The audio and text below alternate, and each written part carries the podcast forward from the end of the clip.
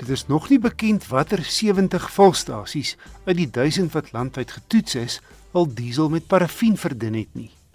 Die DA vra nou dat die ander 3600 volstasies ook getoets word om die volledige prentjie te kry.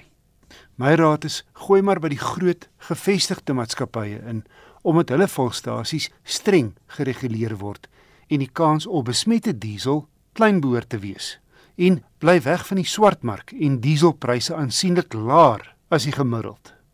Nicolou van SVU gepantserde voertuie sê parafin is skadelik vir diesel engines, veral moderne turbo diesels.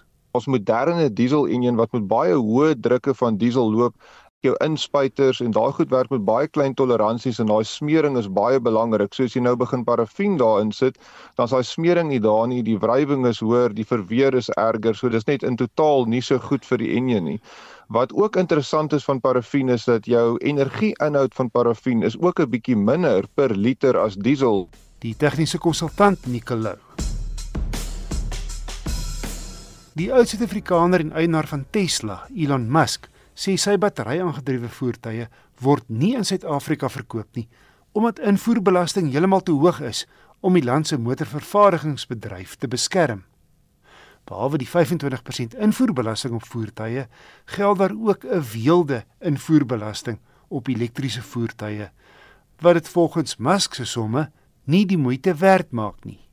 Verlede jaar is net 218 vol elektriese voertuie plaaslik verkoop uit 'n totaal van sowat 530 000. Om plastiekbesoedeling te te werk, het Ford nou 'n manier gevind om olyftakke te gebruik om panele vir sy kajuite te maak. Daai lostakke wat met die snoeiproses op die grond val, 7 miljoen ton per jaar, word ingespan om saam met herwonne plastiek meer ekovriendelike deur- en instrumentpanele te vervaardig.